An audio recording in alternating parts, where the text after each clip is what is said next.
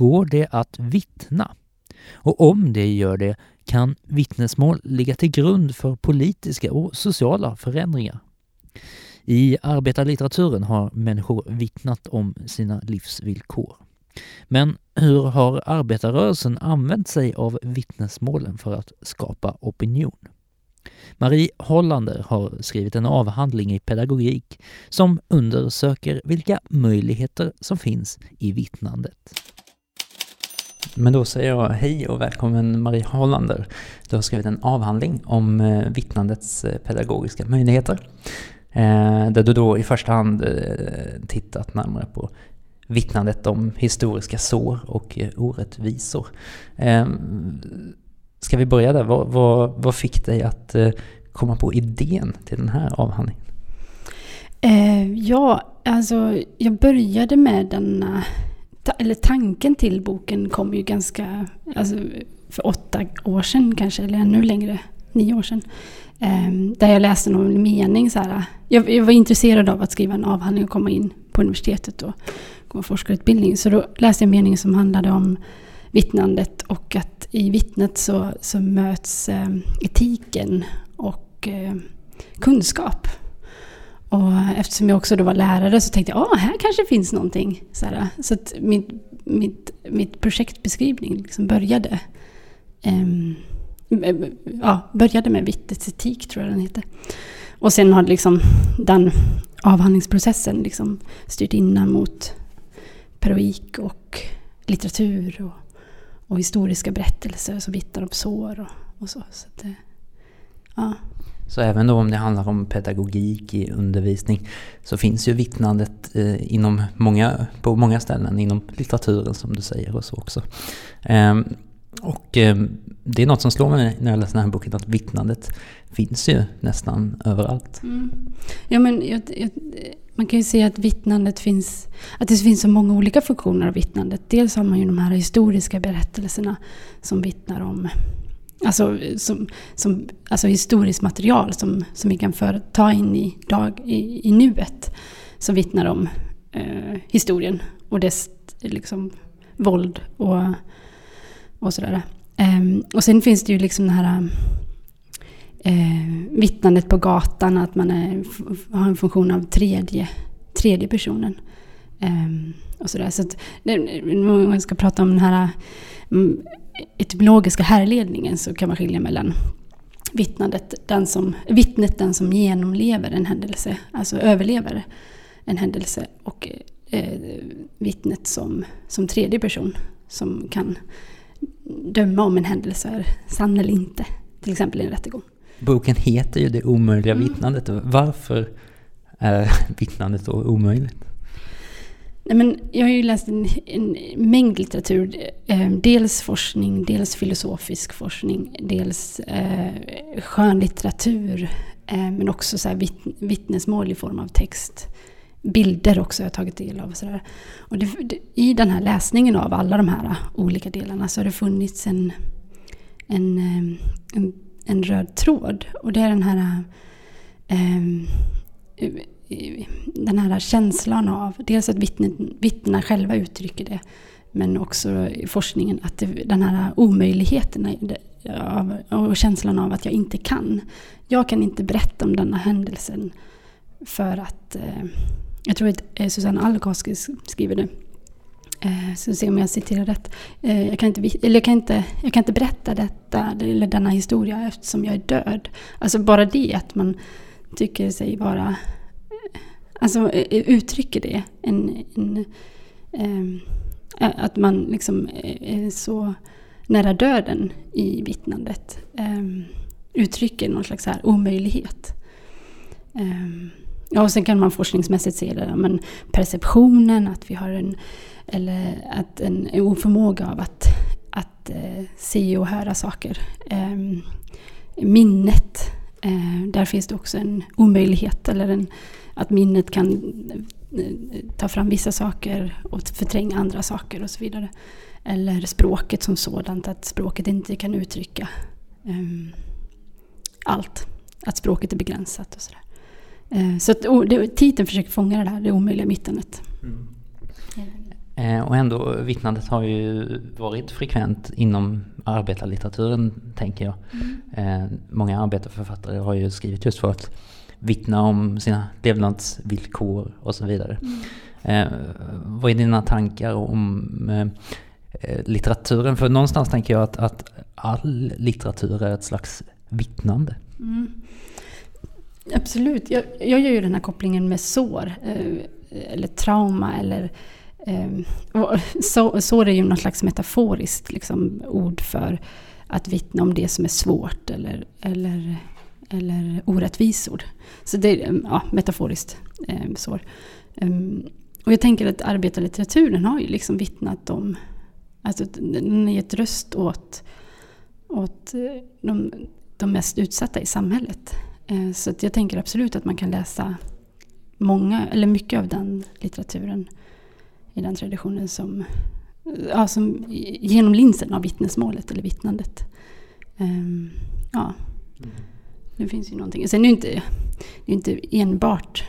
Jag tänker också att det finns en, en dubbelhet där. Att, att man, eh, jag menar om man säger så här att man, man önskar vittnesmålsberättelser som vittnar om olika saker och att man då tillskriver dem istället för att se litteraturen eh, som just litteratur med dess liksom eh, eh, vad ska man säga, alltså litteratur som kommenterar annan litteratur och ingår i en litterär sfär och sådär. Alltså att vittnandet kanske blir en begränsning av att läsa den här typen av litteratur också. Eh, förstår du vad jag menar? Nej, jag... Nej men jag tänker att um, men framförallt tror jag att i läsningen av nu är jag mer kanske så samtidigt att man ser viss litteratur som man läser så här, ja men det här är en det här är litteratur som vittnar om en viss specifik händelse. Och istället, man läser den litteraturen som just vittnesmål. Eh, istället för att se det, läsa den som, en, som litteratur. Eh, och att, eller om man tänker så här, vittnesmålet som en enskild röst som vittnar om sina egna bekymmer eller svårigheter. Eh, och inte som en del av det litterära klimatet. Så där. Och det är väl någonting som, ja men att självbiografin är en, en stark genre idag. Mm. Och de, den som läser en självbiografi generellt ställer alltid frågan, är det sant? Mm. Hur viktig är sanningen för, för vittnesmål? Men jag tänker just att just, just den frågan, liksom så att, um, att uh, nej men, eh, när man tänker på vittnandet och vittnandet, eh, det, det, det, det är någonting som eh, den hela tiden strävar efter, eller inte strävar efter, men att det finns den här kopplingen till sanningen. Vittnet talar sanning. Att det är autentiskt. Ehm, och därmed sant. Ehm, och samtidigt som det finns massa saker som gör att man kan slå hål på den sanningen. Sådär.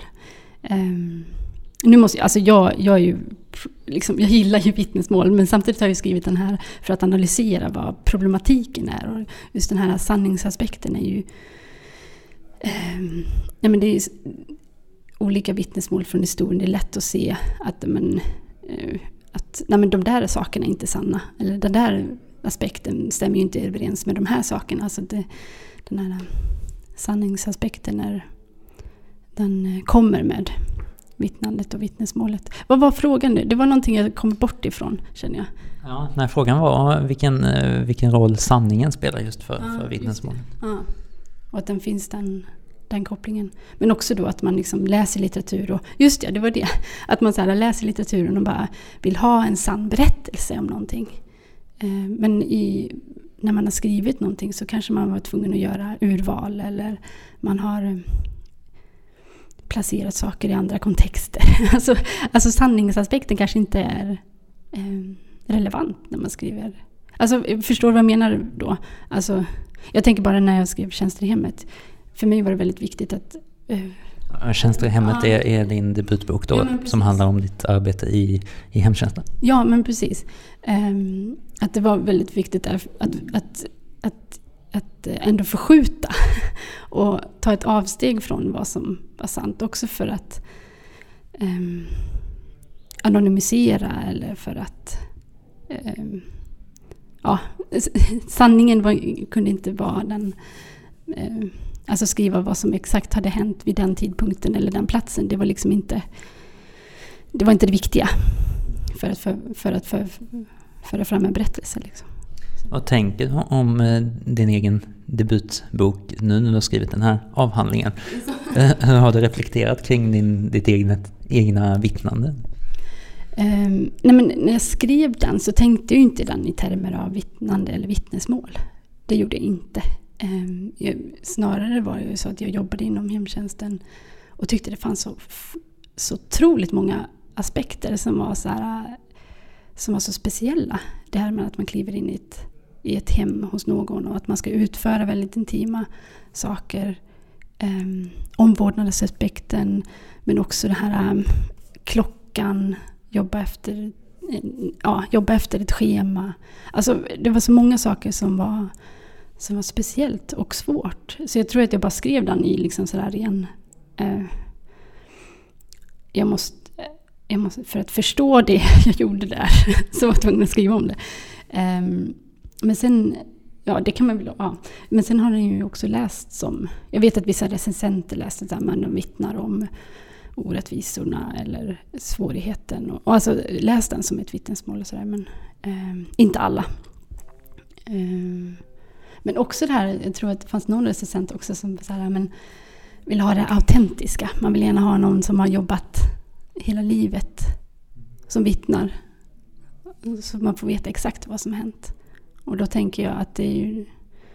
Nej men, eh, snarare, vi behöver många fler berättelser. Ja än från hemtjänsten till exempel eller från vården och sådär. Det, kanske det, att det bara det är så få berättelser så när de väl kommer så, så läses det som vittnesmål. Jag vet inte. Ja. Ja, det leder mig in på den här frågan då, om, om vem, vem får vittna? Ja, gud, det, det får alla. Eller alla gör det till viss mån också, men sen är det inte säkert att, att um, Nej, men jag tänker att man kan se på vittnesmål på olika sätt. Liksom.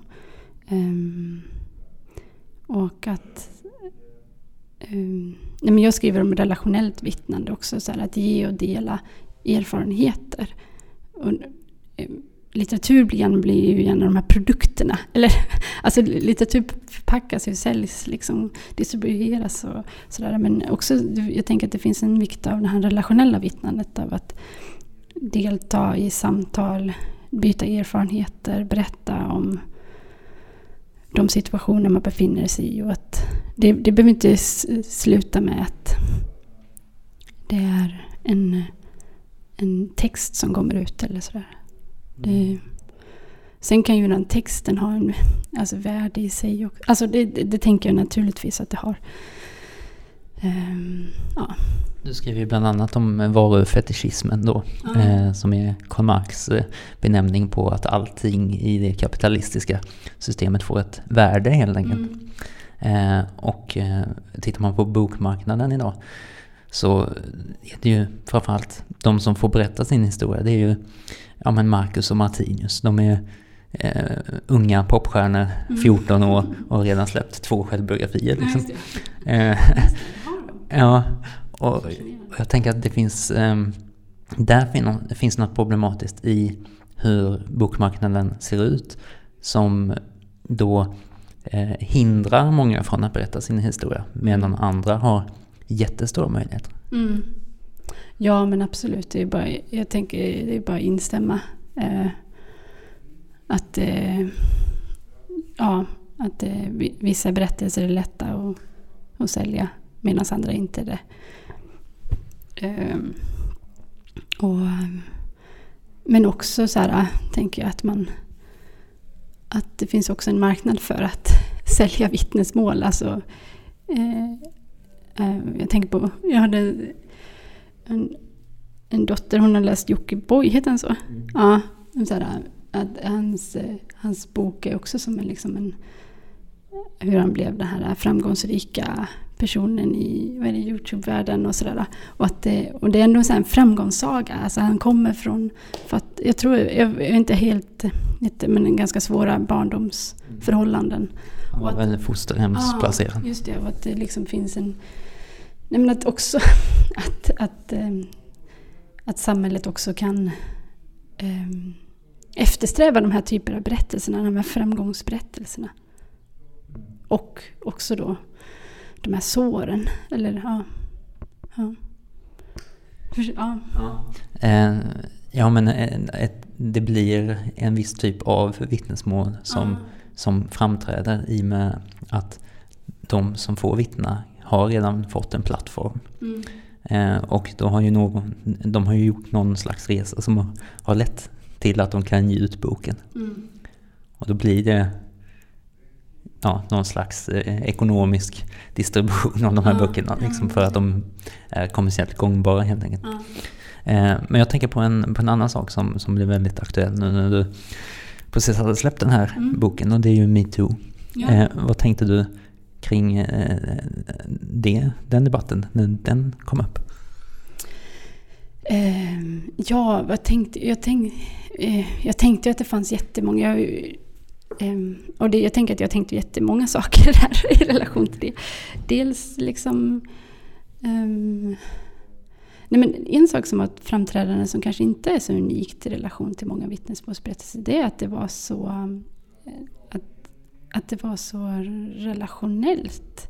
Att det inte var en person som klev fram utan det var så många som klev fram. Um, I samma, ja, under samma tid. Liksom. Och jag tänker att det är kanske är det som är den här styrkan i, i, i de här berättelserna. Liksom. Um, att det inte är en, det är så många. Och sen eh, på Facebook har jag sett, varit med i sådana olika grupper. Och Alltså i, det, är så, det är så fantligt många berättelser som kommer som, som man har tagit del av. Liksom. Eh, och det, det i sin tur skapar ju någonting. Eh, att det är så, att den här mängden. Eh, är det just mängden som har då kunnat leda till en slags ja, men, social eller politisk förändring? Ja, jag, jag, tänker det. För oftast när man tänker på vittnesmål så är det liksom ett, den enskilda röst, rösten som kliver fram. Liksom.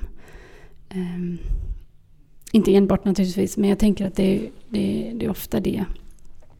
Uh, man, man, den här överlevaren som genomlever en händelse och därifrån vittnar. Liksom.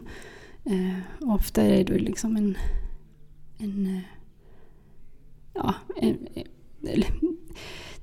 det är svårt att säga att det alltid är så, för det är det ju naturligtvis inte. Men, men den bilden finns ändå, att den är, det, det är liksom en, en enskild person.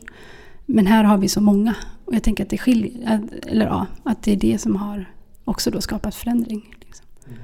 Mm. till viss mån. Det, det, jag tänker att det är liksom... Man ser personer på ledande poster Eh, avsättas. Man ser, jag tänker också att det kanske skapar en, en, en inre förståelse hos många över eh, förtryck och patriarkala strukturer och så vidare. Liksom. Så, att, ja. Men, så det finns i alla fall en, en politisk, eller en, en, en, en möjlighet till social förändring liksom, i vittnesmålen? Ja, jag tänker att det skiljer sig också från enskilt fall till fall. Naturligtvis. För att det, det, alltså jag har ju inte haft så här en jättesnäv bild på vad ett vittnesmål är. Jag har inte liksom definierat det. Jag, jag har gjort kopplingen till sår, den här metaforen för orättvisor och sådär. Um, um, så det, det, jag tänker att det är, så, det är så olika. Men det finns ju den här politiska möjligheten i det. Um, uh, och det, ja. och det här, jag tänker också så här historiska berättelser. Vad är det vi om man eh, är intresserad av historia, eller vad, vad, finns det från historien? Jo, men det finns ju de här vittnesmålsberättelserna och det är ibland det enda vi har från de här historiska händelserna också. Så de, de har ju en jätteviktig roll naturligtvis. I förståelsen av historia, i förståelsen av samtiden och dess politiska funktion och sådär. Eh, de kan vara liksom någon slags event med Badios eh, termer. Um, ja. Och så frågan är väl snarare vad händer efter det? Ja. Eh, vi kan ju klargöra att vi, vi båda gillar metoo. eh, men om vi ändå ska problematisera, liksom, eh, för du är inne eh, i din bok här på att, att vittna för andra, eller mm. att vittna då eh, för en grupp, mm. i det här fallet kvinnor. Mm. riskerar också att faktiskt skymma andra segment inom gruppen kvinnor. Liksom. Mm. Så istället för att ehm, berätta någons historia så gör man någon slags anspråk och skymmer någon annans historia. Mm. Ja, ja, precis. Jag tänker att... Eh, jo, men jag bara instämmer att det finns ju liksom en... Um, nej men att, eller du tänker på olika typer av förtryck? Eller? Att det liksom... Att, att nu, har man, nu synliggörs ett förtryck men det, det andra förtryck synliggörs inte. Eller? Ja. ja till, till, exempel? Till exempel, ja men precis. Och det kan man väl se. Att det är en sak som förs fram. Eh, och att jag tänker också så här. Eh, vilka kvinnor var det som klev fram först? Eh, att det var nej men, kvinnor som redan hade en talesposition i offentligheten. Och att det var de som klev fram först. Um, som också då kanske hade förmågan att göra det. Liksom. Um, och att det finns andra kvinnor som, som inte har den möjligheten. Um, ja, och, och, nu, nu, jag tänker också på så här, um, Paul Celans, jag vet inte om det är jätteöversättbart till metoo men kanske ändå den här um, Ingen vittna för vittnet har en strof som heter i heter andningsvändning, den dikten. Um, alltså, bak, alltså det finns alltid, det också pekar på den här omöjligheten att bakom vittnen så finns det någon, någon annan. Alltså vittnen talar för sig själv men kanske också framförallt för andra. Uh, och den, den här um, det här talandet för någon annan är alltid byggt på någon slags omöjlighet. Alltså det, det finns alltid någon slags eh, eh svårighet där att tala för någon annan för att man inte själv har genomlevt samma händelse och så vidare. Um, ja. Vilket också går igen hos Primo Levi um, i, hans, i hans förståelse över sitt eget vittnesmål efter Förintelsen. Att han inte kunde vittna, han kan inte vittna för de som inte överlevde. Ja. du pratar ju också om ett historiskt vittnande då. Det tycker jag är intressant för eh, när jag läste på universitetet så, så var det ju, och jag kände mig ganska främmande i den miljön, så, så hittade jag mig själv, och kanske inte bara mig själv, men, men jag hittade förklaringsmekanismer hos Ivar Lo-Johansson. Ja. Man så skrev om statare på 30-talet. Liksom. Ja. Eh, att det fanns något, någonting som gick igen i, i det han berättade, ja. som jag kunde identifiera. Liksom. Eh, har det historiska vittnesmålet eh, en funktion som gör att man kanske kan, kan skapa, ja, mobilisera eller skapa, sluta sig samman kring en politisk fråga även idag. Att man kan liksom titta tillbaks på en, på en gammal debatt eller en gammal, ja. ett gammalt vittnesmål som kan få förändring idag. Ja, vet, just förändringen vet jag inte men jag tänker att det är väldigt intressant Um, men till, till exempel det här med Sara Lidmans liksom, och eh, de här vittnesmålen i gruva. Och hur det är. När man, och när man läser den eller tidigare, eller annan litteratur också. Eh, att man... Eh, man säger, men, oj, brottades de med samma typ av problem eh, som vi har idag inom arbetsmark på arbetsmarknaden med tidsjakt eller eh, ja, eh, framförallt minns jag tidsjakten nu liksom så här, klockandet inom hemtjänsten. Det var inte så mycket sånt när jag... Alltså vi hade ju liksom en slags eh, lista av och tider. Men det som är nu med så här klockan med mobilen som min mamma framförallt har jobbat med. Liksom så att, eh, att det var en fight de försökte ta på 60-70-talet. Och att den går igen idag. Och att, den, eh, ja, att historien återupprepar sig. Att, eh, att eh, att man får ta samma fighter. liksom. Jag tänker också på det här kollektiva vittnandet, att, att det sker över tid också. Mm. Vi, vi, sitter här nu och har smugit ut från uh, föreningen Arbetarskrivares årsmöte. Och det är väl ett, ett, ett kollektivt vittnande som, som pågår eh, med rötter tillbaks mm. till liksom 30-talet. Ja, ja, men precis. Att det är liksom, ja, verkligen. Ja, men absolut. Och jag tänker också att eh, Nej men att de här olika författarna från olika kontexter. Att de ska, alltså man, man, man, kan ju förstå historien på ett sätt, liksom, eller de kan ge bilder. Därför är det så viktigt att olika berättelser kommer fram också för att framtiden ska kunna förstå oss idag. Liksom. Ja. Vittna för framtiden. Eh, du skriver också att vi, vi lever i vittnesmålets århundrade. Mm. Vad, vad menar du med det? Nej, men jag, jag tar det från en forskare som annat Ascher. Jag tänker att det hänger ihop med västvärldens... Um, att hon skriver om det i relation till förintelsen. Uh, och, och just historieundervisning och att det bygger på det. Men dels undervisning, att man liksom gärna för in berättelser istället för om man ställer berättelser och fakta liksom mot varandra. Eh, vilket man kanske inte behöver göra, men i alla fall. Ja. Um, men också typ, jag tänker så här media, att, att media gärna söker efter olika enskilda berättelser. Uh, jag tror att det är de här två typer av förståelse där, där hon formulerar 1900-talet är liksom ett vittnandets århundrade. Um, ja. Söker in, går det här i, i någonting som kan kopplas till den nyliberala trenden? Liksom? Ja. Ja, men det kanske man skulle kunna göra. Att vi är individer, vi är ja. enskilda aktörer som ja. söker framgång. Som söker framgång, ja. Ja men precis. Att då blir de här vittnesmålen liksom en, en enskild berättelse som, ja, som ska vittna om sina egna motgångar eller svårigheter och sen fram, framgångar. Att det ska gärna finnas en framgångsberättelse i det där vittnandet också. Ja. Eh, vilket ju för övrigt är en klassisk arbetarlitterär genre med ofta den manliga arbetaren som har rest sig från sitt eh, kroppsarbete. Och, mm. eh, och sen sitter på sin kammare. Ja, precis. Ja. Och har nått den här framgången liksom, ja. som segrare. Mm. Eh, Zlatan-boken ja. slutar ju så. Jag har, nu har jag återvänt hem hit. Eh, som någon vinnare. Liksom. Ja. ja, precis.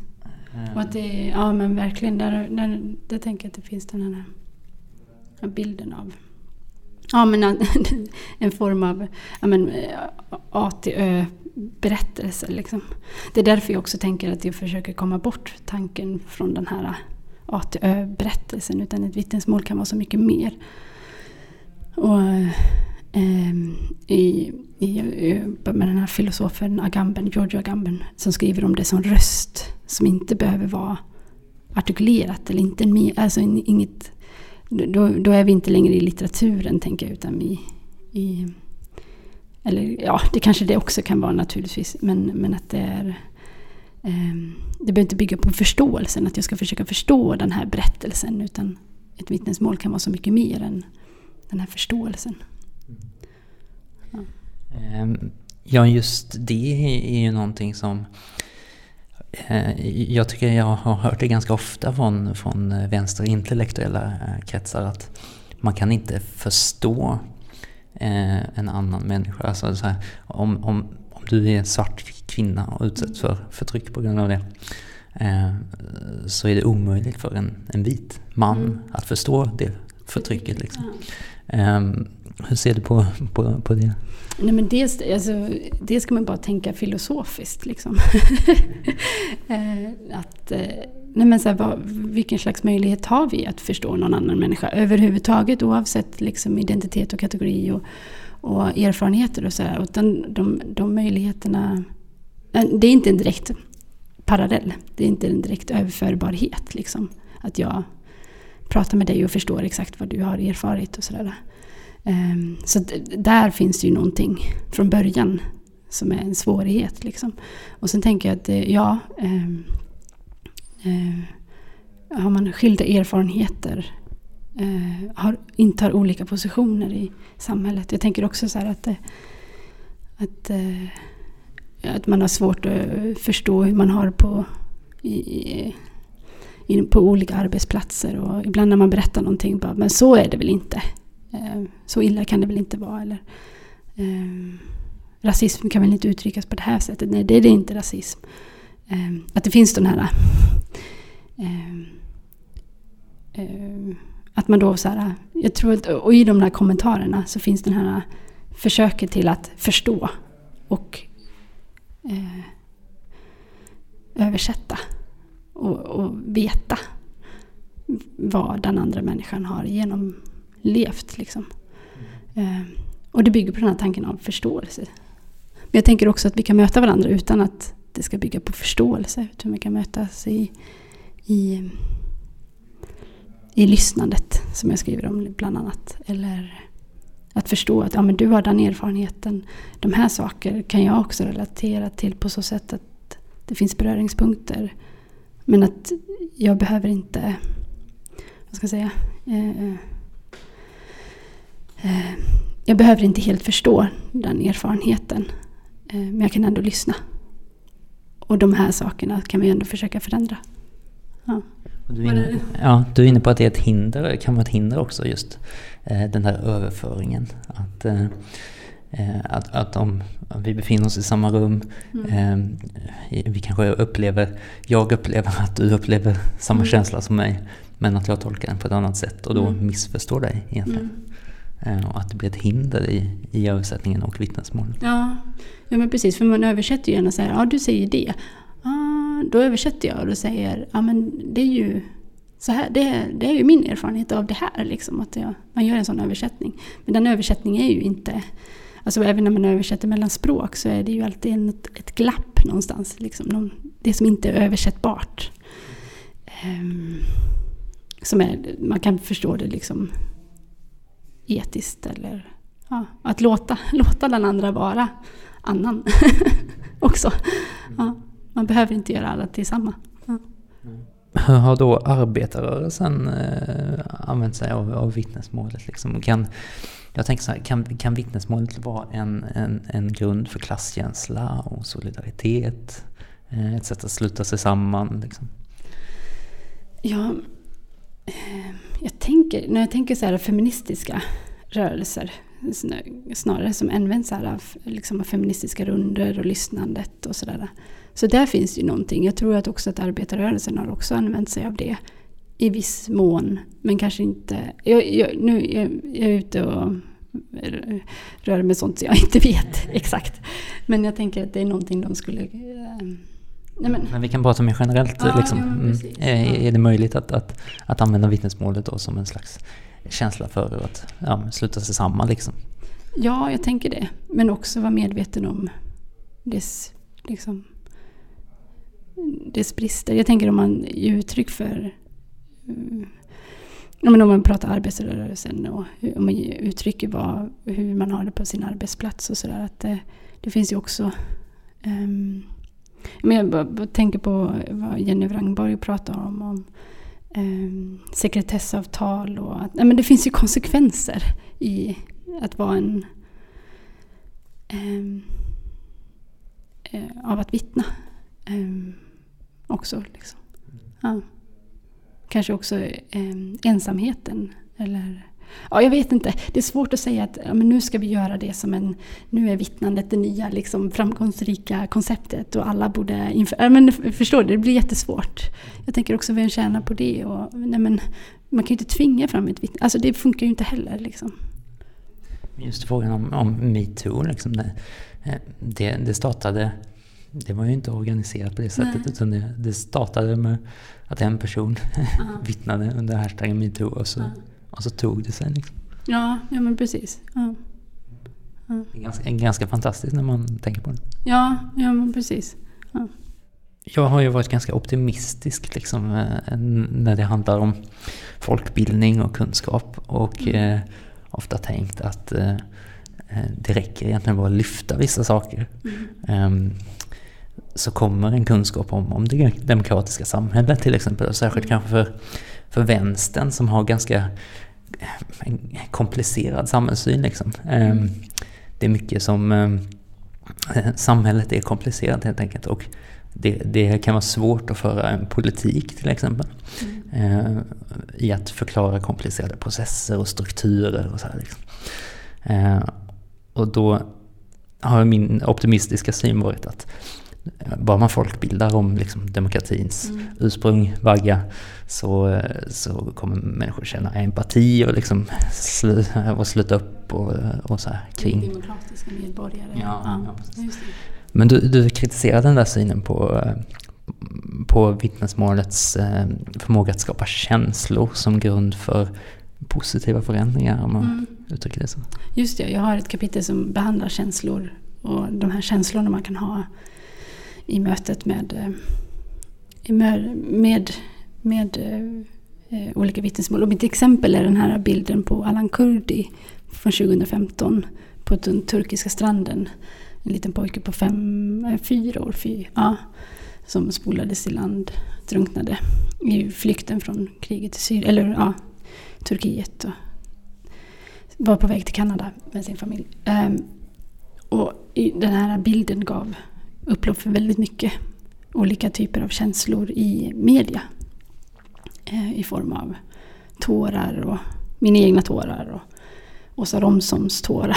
och, eh, ehm, och, mm, och, kapitlet handlar om liksom, vad, vad, vad gör de här känslorna? Och mm, jag, jag har olika liksom, genomgång och just den här som du var inne på, den här eh, tanken om att empati, om vi kan känna empati så, så finns det också möjlighet att börja i en relation eller skapa förändring. Liksom.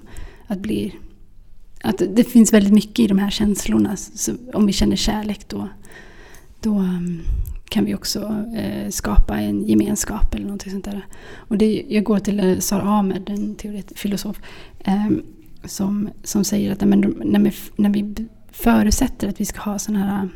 När vi säger att vi ska ha känslor så förutsätter vi också en typ av relation. Att det är liksom... Ska man känna kärlek eller empati då är det också en typ av relation som formuleras.